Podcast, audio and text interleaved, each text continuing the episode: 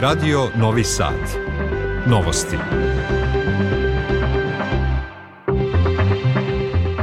Dobar dan, ja sam Vesna Balta. Ja sam Nikola Rausavljević. Na početku novosti Vesti dana. Na marginama Svetskog ekonomskog foruma u Davosu danas i o situaciji na Kosovu i Metohiji. Premijer Sao Tome i Principe u zvaničnoj poseti Srbiji. Veliki odziv Srba sa severa za smenu gradonačelnika u Kosovskoj Mitrovici i Leposaviću.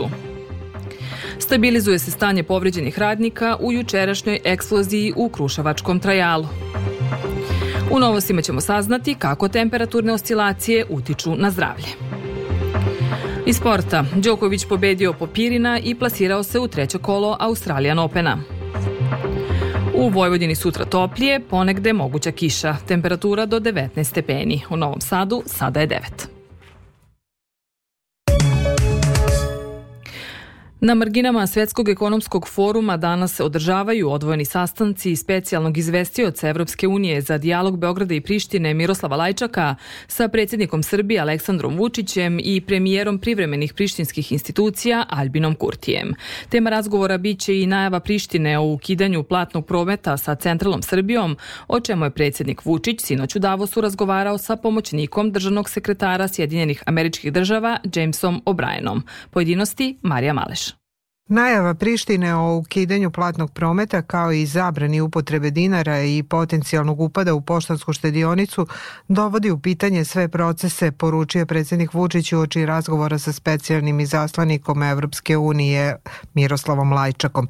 Tema njihovog razgovora biće i situacija na Kosovo i Metohiji kao i dokle se stiglo sa realizovanjem dogovora o normalizaciji odnosa sa Prištinom. Najava koju dobijamo iz Prištine da su spremne da razmatraju ukidanje platnog prometa sa centralnom Srbijom, odnosno da zabrane upotrebu dinara, da upadaju u poštansku štedionicu u naše pošte. U Južnoj Srpskoj pokrajini ne samo da nas zabrinjavu, već dovodi u pitanje sve procese i normalizacije, dijaloga i svega drugog. Predsednik Vučić sastao se danas u Davosu sa predsednicom Mađarske Katalin Novak sa kojom je razgovarao o aktualnoj geopolitičkoj situaciji, dešavanjima u regionu i daljem jačanju prijateljskih odnosa dve zemlje Predsednik se sastao i sa predsedavajućem Saveta ministara Bosne i Hercegovine Borijanom Krišto, sa kojom je razgovarao o jačanju prijateljstva dve države. I drugog dana foruma u Davosu među glavnim temama bila je geopolitika. Generalni sekretar Ujedinjenih nacija Antonio Guterres poručio je da je apsolutno neophodno poštovati princip teritorijalnog integriteta država u svetu. On smatra da je neophodno reafirmisati princip teritorijalnog integriteta Ukrajine i drugih zemalja, ali naglašava da to neće biti lako i da je situacija teška. Dok albanski analitičari sve glasnije govore da zbog upotrebe dinara i nedefinisanog platnog prometa navodno imaju milionske gubitke, naši stručnjaci ocenjuju da je reč isključivo o političkom pritisku čije su posledice negativne i po Srbe i po Albance koji žive na Kosovu i Metohiji. Opširnije Milijana Kočić. Najava Prištine jedan je od ključnih problema u ovom trenutku, ne samo u daljem procesu normalizacije odnosa, već uopšte za postojanje bilo kakvog dijaloga s Prištinom. Ističe premijerka Ana Brnebić napomenjući da su teški dani pred nama. Naše je da čuvamo mir i stabilnost, ali svakako takođe da čuvamo interese srpskog naroda na Kosovo i Metohiji i nadam se da, da, da, će, da će se to ipak završiti na neki razurman i racionalan način, da neće doći do ukidanja platnog prometa. Ukidanjem dinara na teritoriji Kosova i Metohije naše firme ne bi mogle da plaćaju robu niti da je naplate, što bi smanjilo naš izvoz, objašnjava za Radio Novi Sad profesor Predrag Bjelić sa Ekonomskog fakulteta u Beogradu. Napomenje da tamo platni promet i nije bio potpuno regulisan. Znači mi tu imamo neko plaćanje koje podrazumeva čak i keš, strane valute, neke naše banke su prisutne dole, ali na severu i tako dalje. To je u stvari jedna vrsta i dalje političkog pritiska, pošto Kosovo inače prvo uvodilo trgovinsku blokadu nekoliko puta, pa ja mislim da je to samo korak u tom smeru dalje. Spoljno-politički komentator Žarko Rakić najavu Prištine vidi kao još jednu nerazumnu odluku Albina Kurtija, čiji je cilj da se oteža život svim građanima. Dakle, on ne odustaje od ekstremnih mera, uopšte ga ne interesuje realnost, pre svega sudbina i život ljudi na Kosovu. Očekujem da će u budućnosti povlačiti i dalje slične poteze. Prema Rakićevoj oceni Kurtijeve ekstremne mere odgovaraju Zapadu, te zadovoljno posmatraju učestale udare na Srbiju, a dodaje i da nije isključeno da je pojačani pritisak na Beograd deo zajedničkog plana Kurtija i zapadnih centara moći. Slušajte novosti Radio Novog Sada. Premijer Demokratske republike Sao Tome i Principe Patrice Emery Trovoadeo boravi u zvanične poseti Srbiji. Nakon sastanka sa premijerkom Anom Brnabić poručio je da dve zemlje imaju velike potencijale za saradnju u više oblasti i zajedničke ciljeve. Naša spoljna politika i naš status u svetu zasniva se na međunarodnom pravu i pokušavamo da uvek budemo sastavni deo rešenja, a ne problema. Stoga računajte na nas. Želimo da nastavimo našu saradnju, da radimo tesno u korist oba naša naroda, rekao je Trovoadeo.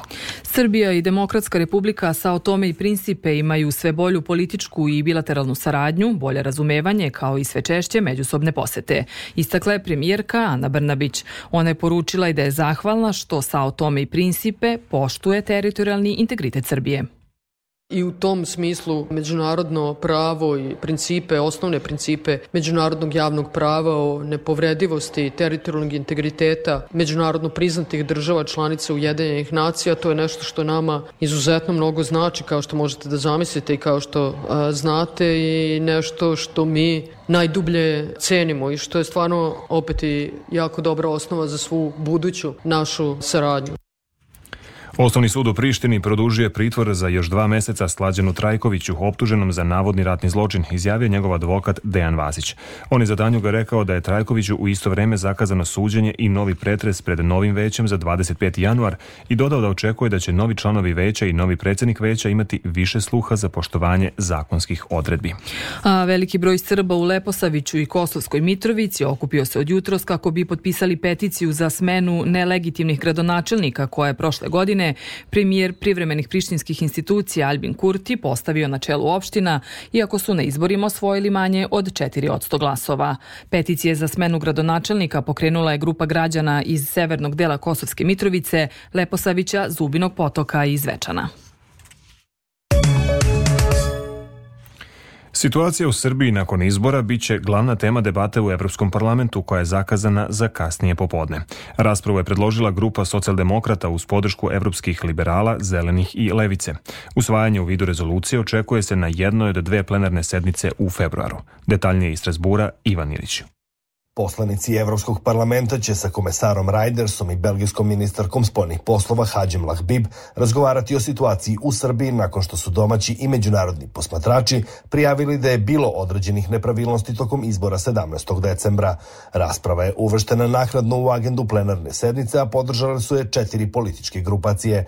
Nekadašnji ministar spoljnih poslova Rumunije, današnji evroparlamentarac iz obnove Evrope Dragoš Todorake, kaže za radioteleviziju Vojvodine da se nada da će srpske vlasti razumeti ovu debatu na pravi način i u pravom tonu, kao i da će sarađivati i prihvatiti preporuke koje će uslediti iz izveštaja Odira. Srbija je veoma važna zemlja, kandidat i veoma važan sused Evropske unije.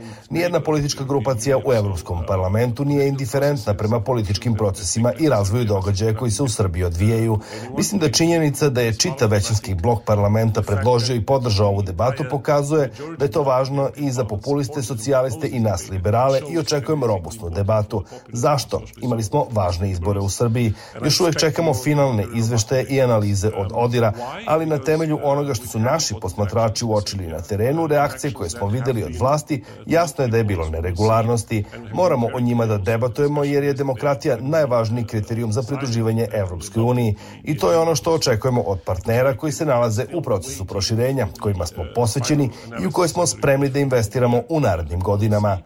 Danas je predviđeno da se održi samo rasprava dok će poslanici o rezoluciji glasati na jednoj od naredne dve plenarne sednice koje se održavaju u februaru u Strasburu.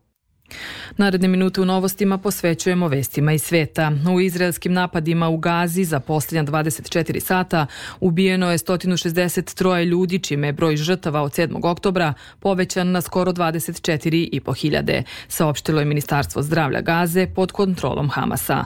Navode i da su većina ubijenih žene i deca. Izraelska vojska saopštila je da je od početka sukoba sa Hamasom ubila oko 10.000 militanata u Gazi. Izraelski premijer Benjamin Netanyahu rekao je šefovima lokalnih saveta i zajednica u blizini pojasa Gaze da očekuje da rat protiv Hamasa bude produžen do 2025. godine. Lideri lokalnih saveta, zajednicu koje su evakuisane, rekli su Netanyahu da većina njihovih stanovnika ne želi da se vrati tamo sa zbog raketnih udara iz pojasa Gaze i drugih bezbednostnih razloga. Nastavljen je i rat u Ukrajini. Ukrajina je saopštila da je u protekla 24 sata zabeleženo 98 borbenih sukoba širom fronta, a da je Rusija izvela ukupno četiri raketna udara na vojne i civilne položaje. Vazdušni napadi, osim na Harkov i okolinu, zabeleženi su i u regionima Donjeck i Zaporožje, navela je ukrajinska vojska. U posljedna 24 sata oboreno je 19 od 20 ruskih dronova. U Harkovu je povređeno najmanje 17 civila, a oštećena je gradska bolnica.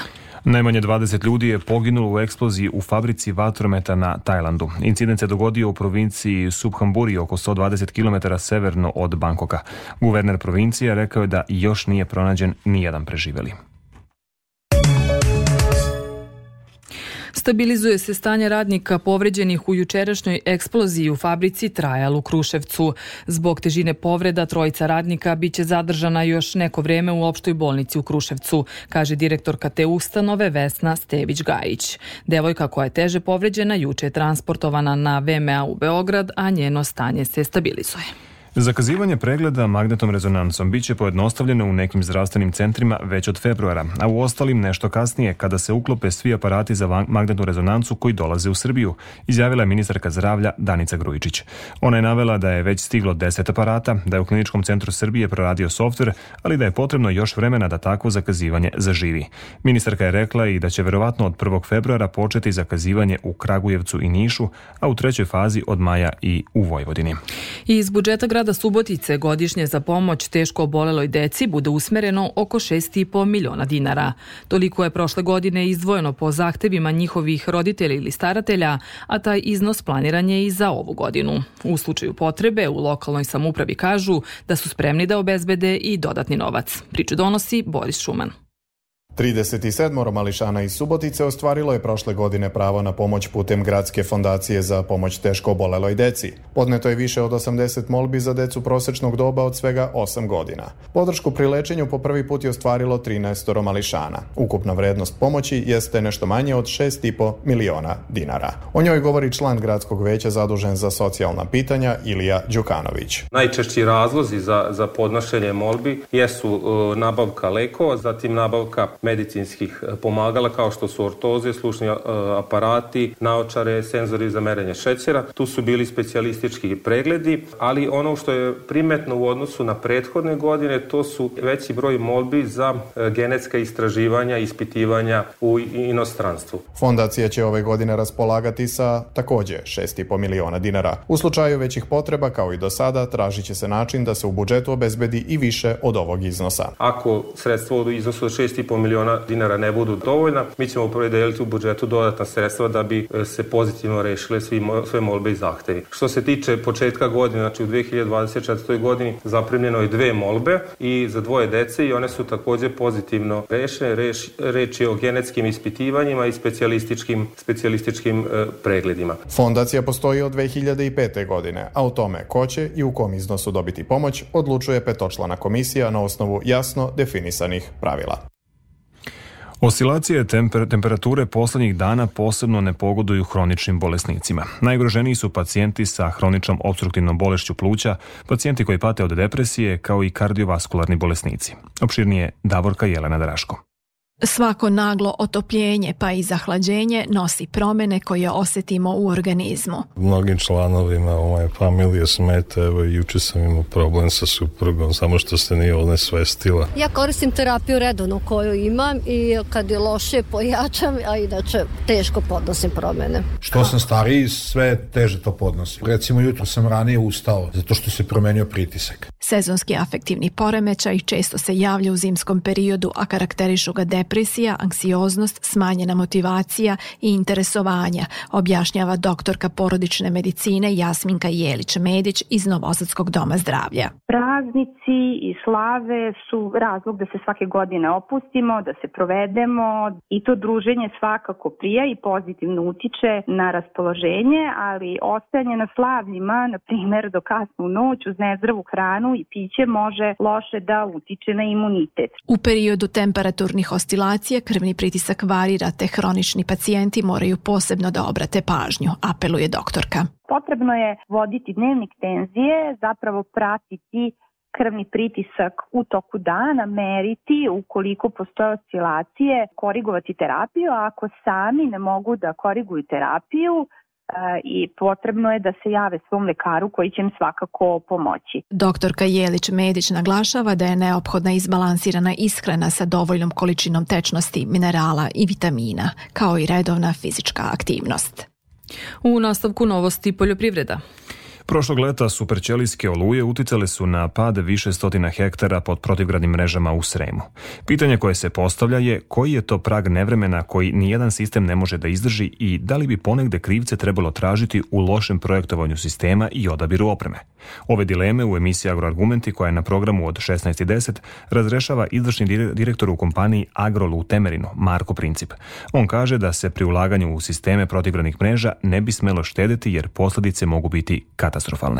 Mi smo imali slučaj gde smo postavili 8 hektara kod jednog klijenta i on kada je ovaj hteo da ide u, u širenje svog zasada, eh, odabrao je nažalost neku low cost opciju i eh, uštedeo je u tom momentu nekih 50-60 hiljada evra, mi pričamo o 40 hektara, došla oluja i on je na toj površini imao oko 2 miliona evra štete. Kultura Nakon beogradske premijere, film Nedelja posvećen Džeju Ramadanovskom u režiji Nemanje Čeranića i Miloša Radunovića naći će se večeras pred novosadskom publikom. Detaljnije Ivana Maletin-Ćorilić.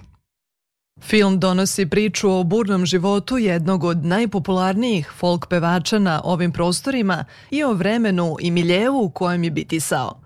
Džev razvojni put prikazan je dobrim delom kroz prizmu odnosa sa bratom Isom Lerom Džambom, objašnjava reditelj Nemanja Ćeranić. Mislim da je ovaj film zapravo, koliko god je o Dorčolu i o jednoj emociji i jednom vremenu, isto tako mislim da je ovaj film o odnosu dva brata Romasa Dorčola i uh, ta priča o dva puta i dve sudbine.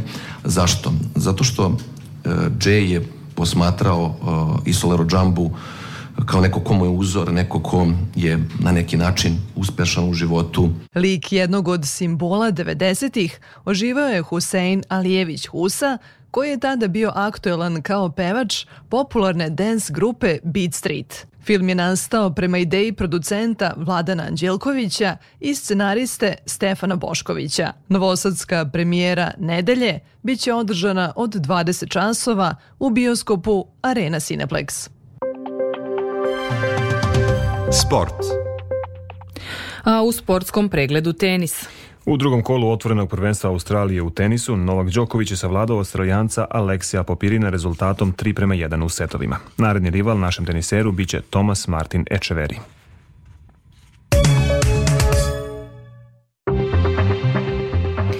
Pred kraj novosti podsjećamo se još jednom vesti dana. Na marginama Svetskog ekonomskog foruma u Davosu danas je o situaciji na Kosovu i Metohiji. Premijer Republike Sao Tome i Principe u zvaničnoj poseti Srbiji. Veliki odziv Srba sa severa za smenu gradonačelnika u Kosovskoj Mitrovici i Leposaviću. Stabilizuje se stanje povređenih radnika u jučerašnjoj eksploziji u Kruševačkom trajalu. U novostima smo saznali kako temperaturne oscilacije utiču na zdravlje. A kada je vremenu reč, u većem delu pokrajine je pretežno oblačno, najtoplije u Novom Sadu gde je 9 stepeni, stepen manje u Zrenjaninu, u Sremskoj Mitrovici i Kikindi je 7, na Paliću 5, a u Somboru 4 stepena. Sledi prognoza za naredne dane. U Vojvodini u četvrtak osetno toplije uz umereni jak južni jugozapadni vetar na jugo Banata i jugoistočni koji će povremeno dostizati i udare olune jačine. Kasnije posle podne vetar u slabinu. Tokom dana promenljivo, ponegde sa kratkotrenom kišom ili pljuskom. Jutarnja temperatura od 6 do 10, najviše dnevno od 15 na jugo Banata do 19 u Sremu. U Vojvodini u petak zaglađenju uz prelazak kiše u sneg tokom prepodneva. U subotu razvedravanje, vetar će biti u slabljenju. U nedelju ujutro slab mraz, tokom dana pretežno sunčano ali hladno vreme. Za Radio Novi Sad, meteorolog Miodrag Stojanović. Slušali ste novosti prvog programa radija Radio Televizije Vojvodine. Novosti i tonski realizovao Mihal Daždio, producenti Zoran Bečejac i Branislava Stefanović. Novosti uredila Vesna Balta. Ja sam Nikola Rausavljević. Ostanite uz naš program. Želimo vam prijetno popodne.